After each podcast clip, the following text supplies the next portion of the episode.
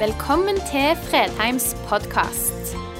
For mer informasjon og ressurser, besøk oss på fredheimarena.no, eller finn oss på Facebook.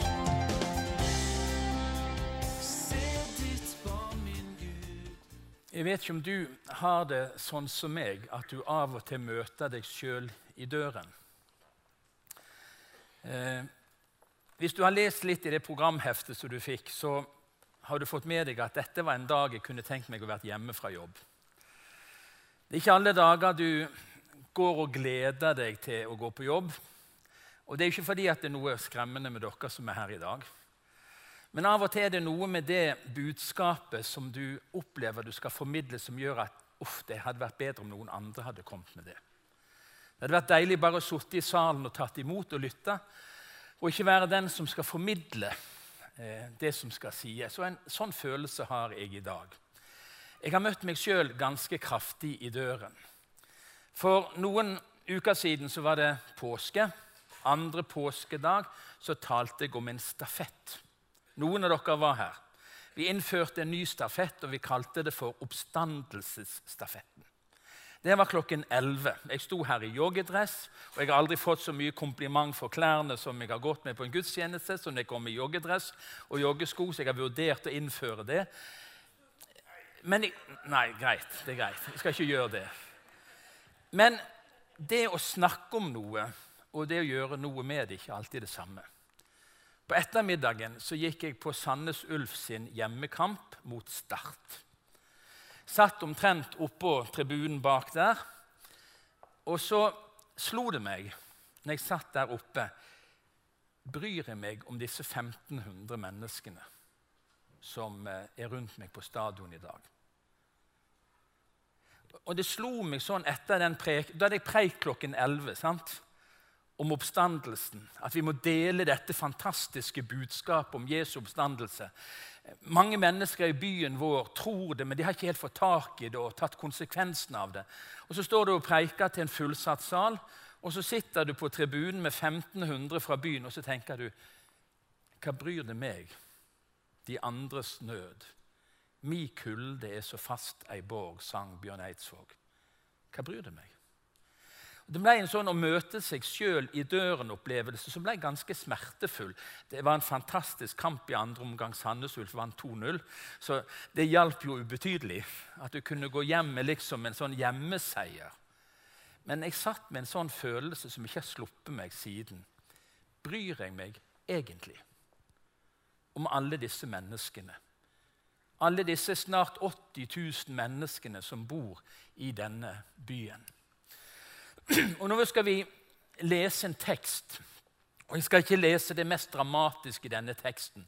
Men du som vil, du går hjem og leser fra andre kongebok kapittel 6. Fra det avsnittet som begynner med Samaria. Og så i kapittel 7, eh, det vi skal lese fra vers 3 og utover. En helt spesiell tekst. Eh, Israelsfolket eh, delt i Nordriket og Sørriket. Eh, I Nordriket Samaria hovedstaden, eh, og folket er hærtatt. Byen er omringa, landet er omringa, det er sult inne i Samaria. Det er dramatisk å lese hva som skjedde i den byen. Det var ikke mat å oppdrive.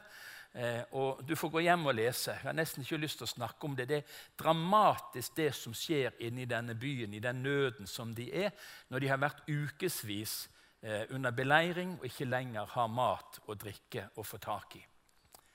Og Som vanlig er det ofte noen syke mennesker, noen spedalske mennesker, og de ble henvist til å være utenfor byen eh, for å ikke smitte befolkningen. Og Nå går vi inn i andre kongebok kapittel 7, og så leser vi et ganske langt avsnitt fra vers 3. Nå satt det ved byporten fire menn som led av en hudsykdom. De sa til hverandre, 'Hvorfor skal vi sitte her til vi dør?' Sier vi at vi vil gå inn i byen, kommer vi til å dø, for der er det hungersnød. Blir vi sittende her, vil vi også dø. Kom, nå går vi over til arameernes leir. La de oss leve, berger vi livet. Dreper de oss, dør vi. Og i skumringen brøt de opp for å dra til arameernes leir. Men da de kom til utkanten av leiren, var det ingen der. Herren hadde lagt arameerne få høre larmen av vogner og hester, larmen av en stor hær. Da sa de til hverandre.: Nå har Israels konge leid inn hittittkongene og egypterkongene for å overfalle oss. Så brøt de opp og flyktet i skumringen. De forlot teltene, hestene og eslene sine, hele leiren slik den lå, og flyktet for å berge livet. Da disse mennene med hudsykdom kom til utkanten av leiren, gikk de inn i et telt hvor de spiste og drakk. De tok med seg sølv, gull og klær og gikk bort og gjemte det. Så kom de tilbake og gikk inn i et annet telt. De tok med seg det som var der også, og gikk bort og gjemte det. Men så sa de til hverandre.: Det er ikke rett, det vi gjør. Dette er dagen for gode nyheter. Tier vi til morgenen gryr, fører vi skyld over oss. Kom, La oss gå og fortelle dette i kongens slott. Så gikk de og ropte på vakten i byporten. Vi kom til arameernes leir, fortalte de, og der var det ingen å se og ingen å høre. Men hesten og eslene sto bundet, og teltene var som de pleide å være. Portvaktene ropte dette videre, og det ble meldt i kongens slott. Og med stor skepsis, fordi kongen trodde at dette var en krigslist, så sender han ut noen for å følge etter og se om arameerne virkelig hadde forlatt plassen og gitt opp beleiringen. Og så så de det var skjedd. Og så går folket ut inn i denne leiren, finner mat og drikke, og så berger de livet. Sånn er sammenhengen. Hva er det det handler om, egentlig, det vi holder på med? Hva er det vi driver på med. I går var her konfirmantgudstjenester, to stykk. Over 800 mennesker fylte denne salen i går klokken 11 og klokken 1. Anne Lene, vår familiepastor, hadde satt som tema 'Veien, sannheten og livet'. Over 800 mennesker fikk høre hva det egentlig handler om, og hva vi egentlig dypest sett tror på. Jesus sier 'Jeg er veien, sannheten og livet'. Ingen kommer til Far uten ved meg. Det var en by beleira. Sult, ødeleggelse, krise. Det var en frihet de ikke visste om. Fienden hadde rømt, men inne i byen venta de på døden. Men fakta var at fienden allerede for lenge siden hadde forlatt området. Det lå åpen for dem til å komme ut. Vi har et budskap om at en gang for 2000 år siden ble all synd, skyld og skam betalt og gjort opp for på et kors. Vi har et budskap om at Jesus sto opp fra de døde og bekreftet at det vi tror på, er sant. Vi har et budskap som sier at skal du komme hjem og Det er så uendelig mange mennesker, flere enn vi tror, som går med en lengsel etter å komme hjem. Finne tilbake igjen til der de egentlig hører til. Og så sier Jesus ingen kommer til far uten ved meg. For mange år siden, når jeg begynte som pastor igjen her på Fredheim, så hadde vi noen stabssamlinger hvor vi skulle ha en sånn liten åndelig selvangivelse. Og Nå skal du få være med på en liten sånn seanse. Der satt staben samla, så tegnte vi opp en trekant. Noen av dere har sett den trekanten før. Den handler om relasjonen opp til Gud, den handler om relasjonen innad i fellesskapet, og den handler om relasjonen ut til mennesker. Og så ble vi utfordra til å gå og skrive opp med tall fra én til ti hvordan vi opplevde at vi levde vårt liv i disse dimensjonene. Det var et frivillig, men de fleste følte seg pressa til å gjøre det, og vi gjorde det. Og så famla vi oss opp, og så skrev jeg mitt navn opp. Ja, hvordan er gudsforholdet mitt? Én til ti? Ja, det kunne vært bedre. Men det var ikke det som var hovedproblemet, så jeg tror jeg satte en syver, kanskje. Ja vel, og Det legger jo et visst press på de andre i staben. Og så var det hvordan lever vi innad i fellesskapet? Og så gikk vi bort og skrev opp et tall. Hvordan vi opplever fellesskapet med andre kristne. Hvordan vi opplever fellesskapet i staben. Og så kom vi til det utfordrende. Hvordan lever vi i møte med mennesker som ikke kjenner Jesus? Det varierte litt på karakteren som ble gitt, men det var ingen tiere. Det var ingen niere. Det var ingen åttere. Jeg skal ikke si hva det varierte imellom, men det var mellom én og Vi kjente en utfordring. Betyr dette noe for oss? Gjør vi noe med det? Og De siste ukene har jeg møtt meg sjøl i døren etter andre påskedag så til de gang, på en sånn måte jeg kunne bare tenkt meg Runa, bare sett deg ned. Du har ingenting å bidra med. Du har ingenting å lære andre. Egentlig skulle du bare lytte til andre som kunne fortelle historier om hvordan de lever ut troen sin i hverdagen på en så tydelig og frimodig måte. Og så slår det meg kanskje er jeg ikke helt alene. Kanskje det er en eller to eller tre her òg som kjenner det at det skulle vært en litt annen karakter. Og jeg er ikke ute etter å skape dårlig samvittighet. Det hjelper sjelden på noe. Men jeg har en lengsel etter å vekke opp min egen erkjennelse, min egen vilje, min egen evne, min egen motivasjon til å spørre og kanskje gjøre noe med det. Hvordan lever jeg i møte med mennesker utenfor bedehuset? De mange som lengter og kanskje venter. For det er det neste vi skal si litt om. For mange mange år siden så skrev misjonær Asbjørn Aavik en bok som heter 'De venter'. Den er solgt i over 100 000 eksemplarer og er nettopp utgitt på nytt igjen.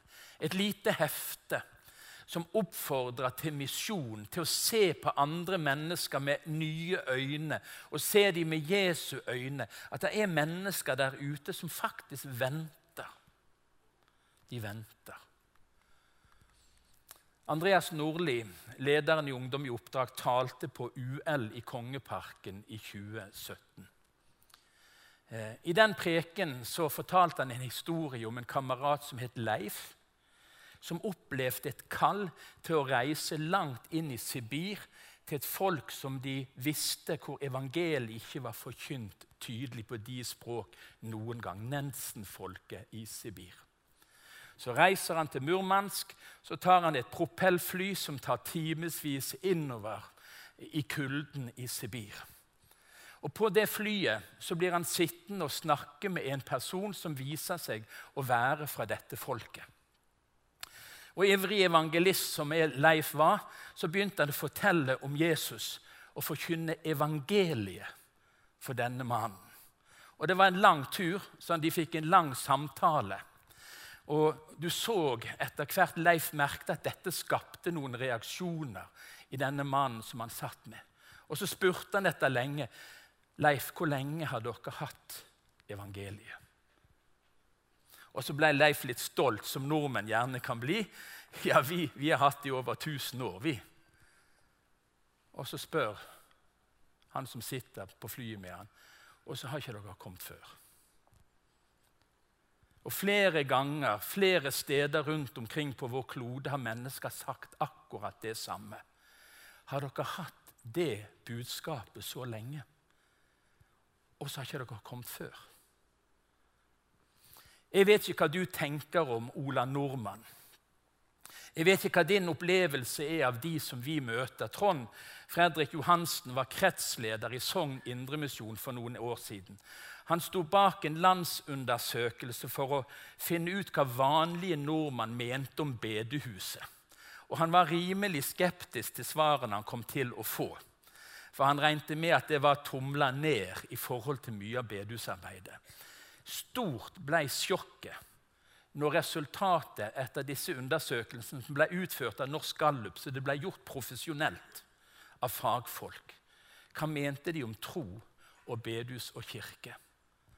Så sa 61% at de har positive minner forbundet med bedehuset. Og mange beskriver kristne som de kjenner som hyggelige og rause mennesker. ikke det flott? Vi, vi, tenker jo at i alle fall her på Jæren så har de fleste et bilde av bedehuset som noe helt forferdelig. Poenget er at det er så lenge siden folk har vært på et bedehus at de har, ikke, de, de har ingenting å mene om bedehus. Det de kjenner, det er noen kristne mennesker. Og mange opplever altså kristne mennesker som rause, gode, hyggelige mennesker. Og så ble det et nytt spørsmål. Og så sier de at 57% av befolkningen sa at de sannsynligvis ville bli midt på bedehuset. Ville blitt med på bedehuset hvis de fikk en invitasjon. 57% av Sandnes befolkning. Det er over 40 000 mennesker.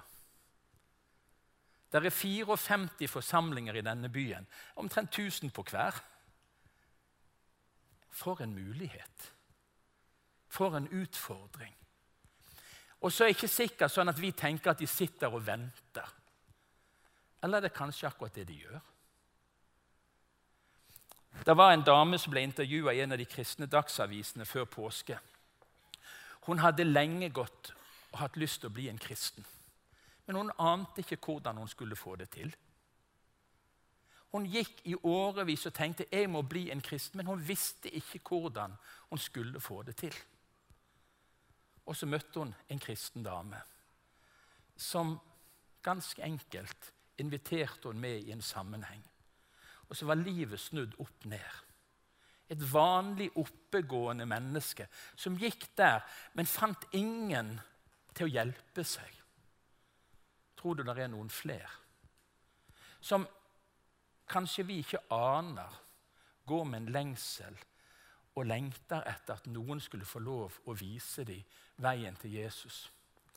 Og så sier Trond i et intervju videre kristen tjeneste må ikke dere bli, ikke, Det er ikke ute å henge ut dere. altså. Sant? Kristen tjeneste er ikke bare å være med i et lovsangskor eller reise på evangeliseringsteam. Det handler like mye om å være til stede i en jobb med mine evner og anlegg. Både nådegaver, men like mye naturgaver. Det handler om å være der med hele meg. Vi utfordres til bare å være oss sjøl. Men ikke bare oss sjøl, men med det som Svein Ove sa innledningsvis. Jesus er med oss alle dager. Vi er aldri aleine på jobben vår. Vi er aldri alene i nabolaget vår. Vi er aldri alene i noen, noe sted, i noen relasjon. For Jesus er med oss alle dager, sa han. Jesus er med overalt. Og Så sier han videre å være en kristig disippel og etterfølger handler om å bruke hele seg. Og hør nå å være den ene som kjenner kallet til å være den ene som viser den ene veien evangeliet. Hva handler det egentlig om? Mener vi alvor? Tror vi dypest sett at Jesus er den eneste veien hjem til Gud? Tror vi det? Jeg tror, Hvis jeg hadde bedt om en håndsopprekning her nå, så tror jeg jeg hadde fått 99% kanskje 98% som hadde sagt ja, jeg tror det. Og så tror jeg kanskje, hvis jeg hadde spurt hvor mange av oss gjør noe med det Tar det egentlig på alvor? Tror du det hadde blitt litt færre hender i været? Og så kjenner jeg at dette er en sånn Det er lett å oppfordre til en sånn oppstandelsesstafett. La budskapet om Jesus gå videre når vi er på møte her. Vi, vi, kan skape en stemning om det nå. Vi kan få de til å synge en god innbydelsessang sant? som gjør at vi føler litt ekstra. Problemet er jo når vi kommer ut forbi døren. Og rett og slett La det gå inn på oss at det er mange, mange, mange flere som venter. Det er mange, mange flere enn vi aner, som lengter og som venter. Og som kanskje går og lurer på hvordan i alle dager skal jeg bli en kristen. Det var en som ble spurt det. Han hadde sagt jeg er blitt en kristen. Ja, 'Hvordan fikk du det til?' sa han. 'Hvordan fikk du det til?' Og Så får du en anledning til å fortelle nei, det var ikke så vanskelig. Det har Jesus ordna med. det. Det handler om å ta imot Han. Jeg tror, og det er noe av det som har vært vanskelig de siste ukene, jeg tror at det er noen som venter på meg. Jeg tror det. Og jeg tror det er noen som venter på deg. Jeg eh, aner kanskje noen av de som venter på meg. Kanskje bor de bare i huset rett over hekken. Kanskje er de et annet sted. Er det noen som venter på deg? Er det noen mennesker du tror som faktisk hadde vært helt åpne, mottagelige, spørrende positivt, hvis du vågte å være den ene for den ene som trengte at noen delte evangeliet med dem. Mener vi alvor? Vi leste i teksten. Det er liksom sånne vendepunkt i denne teksten, men så sa de til hverandre det er ikke rett, det vi gjør nå. Dette er dagen for gode nyheter. Tier vi og venter til morgenen gryr, fører vi skyld over oss. Kom, la oss gå og fortelle dette. Situasjonen inne i Samaria var så desperat at folk døde time for time. Så budskapet haster. Det var faktisk farlig å vente til dagen etterpå. De kunne jo ha gassa til seg litt mer. Og Nå skal du få to bilder. Se på dette bildet litt. Dette er de fire syke. Sannsynligvis spedalske, de med hudsykdom. Her har de erkjent noe, og her har de sett noe. Og Så kikker vi på det som skjedde før. Beskrivelsen før. Da disse mennene med hudsykdom kom til utkanten av leiren, gikk de inn i et telt hvor de spiste og drakk. De tok med seg sølv, gull og klær og gikk bort og gjemte det. Så kom de tilbake og gikk inn i et annet telt. De tok med seg det som var der også, og gikk bort og gjemte det. Og jeg måtte spørre når jeg leste den teksten, hvem ligner jeg på av disse to situasjonene? Hva er det som preger mitt liv, og hva er det som preger ditt liv? Og For meg ble de setningene der et bilde på alle de gangene jeg har reist på en konferanse for å få noe til meg sjøl. På alle de gangene jeg har vært et sted for å bli velsigna sjøl. Og jeg har vært på mange konferanser og jeg har vært på mange steder. Jeg har kommet hjem igjen i fyr og flamme både fra innland og utland fordi jeg fikk karra til meg sølv og gull. Og jeg fikk spist meg mett åndelig talt. Og så går vi ut og inn av telt etter telt og spiser oss åndelig mette. Eller gjør vi det? Det går an å ligne på disse her fire, sånn som det var før det virkelig gikk opp for dem hva det handla om. Om de virkelig mente alvor. Det siste vi skal lese, henter vi fra 2. Korinterbrev. Og Jeg liker dette verset fra Paulus sin munn og hans penn.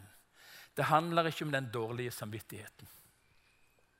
Det handler ikke om strategier og alle slags merkverdige påfunn. Det handler om en relasjon. Og så skriver Paulus for Kristi kjærlighet tvinger oss. Jeg husker når jeg var på påskeleir for første gang og lærte den sangen 'Et møte med Jesus forandrer alt'. Gir glød til det hjertet som før var kaldt et møte med Jesus. Det å la hans kjærlighet berøre mitt liv. Fylle mitt beger, gjøre noe med min situasjon. Gjøre noe med min relasjon til andre mennesker. Og så er det kjærlighet som driver oss. Jeg kunne kanskje fått noen av dere til å få så dårlig samvittighet hvis de pekte på deg. så hadde du spurt, ja, ja, ja, jeg skal, jeg skal ta meg sammen, jeg skal gjøre noe. sant? men det handler egentlig om Jesu kjærlighet. Og Så sier Jesus en annen plass den som er tilgitt mye, elsker mye. Nå kunne vi tatt en ny håndsopprekning. Er det noen som er mye tilgitt her? Jeg er tilgitt uendelig mye. Uendelig mange ganger. Overraskende mange ganger har jeg mottatt nåde og tilgivelse. Den som er tilgitt mye. For Kristi kjærlighet tvinger oss. Vi vet at én er død for alle, derfor er de alle døde. Og han døde for alle. Derfor er de alle døde. For at de som lever, ikke lenger skal leve for seg selv, men for ham som døde og sto opp for dem. Hva er det det handler om? Det handler om et godt budskap. At Jesus virkelig er veien, sannheten og livet. Det handler om at mange, mange, mange flere enn de vi aner, venter. Her i byen og ute i andre nasjoner så det er mennesker som venter. Hvor lenge har dere hørt evangeliet? Over 1000 år. Over 1000 år. Hvor lenge har du hatt Jesus i ditt liv? Kanskje du er ny på veien. Noen har hatt han der i 40, 50, 60 år. Kristi kjærlighet tvinger oss, oppfordrer oss, oppmuntrer oss, veileder oss til å ta det på alvor. Til å ta det på alvor. Og så kommer jeg til å få en dårlig dag når jeg går hjem i dag òg. For når jeg preikte om det en gang til. Og så blir det min utfordring. Runa, hva i alle dager vil du nå gjøre med det? Og nå er det ikke fotballkamp å gå på i kveld, så jeg får tenke et annet sted. Men hva bryr det meg, de andres nød? Mi kulde er så fast ei borg. Eller skal vi la Jesus få gjøre noe med det? Skal vi la Jesus få lov å fylle oss med sin kjærlighet igjen? På en sånn måte at ikke det blir dårlig samvittighet som driver oss. Men ganske enkelt en erkjennelse av at alle er elska. Alle ønsker velkommen. Alle ønsker hjem til farshuset, og at det er Jesus som er veien. Det er Jesus som er sannheten, og det er Jesus som er livet, skal vi be sammen. Herre, du kjenner oss. Du vet akkurat hvordan vi har det i forhold til disse tingene. Og så skal vi snakke om det å leve misjonalt. Herre, det høres så flott ut. Og det du egentlig ber oss om, er å leve hverdagslivet vårt som kristne der vi er hjem og på skole, på arbeidsplass, i nabolag, og leve som kristne. Sånne som følger deg. Og Herre, du kjenner hva som bor i oss av lengsler. Nå ber jeg Herre, at du skal ta bort all den fordømmelsen som vi ofte kjenner på for det vi ikke får til, Herre. Det hjelper oss så lite. Men la oss heller åpne for din kjærlighet som gjør at den kan drive oss, Herre, ut til mennesker i denne byen som venter. Og Herre, vi tror de er mange. Og her inne er det plass til flere. I alle kirker og forsamlingshus i denne byen er det plass til flere, Herre. Og vi tror faktisk det er plass til mange flere i himmelen. Fordi du ennå driver og bygger en bolig. Gjør i stand et rom for oss, Herre. Du som vil at alle mennesker skal bli frelst og lære sannheten å kjenne. Amen.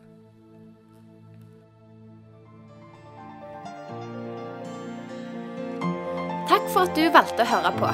Nye opptak legges ut hver uke. Vi har gudstjenester hver helg, og du er hjertelig velkommen.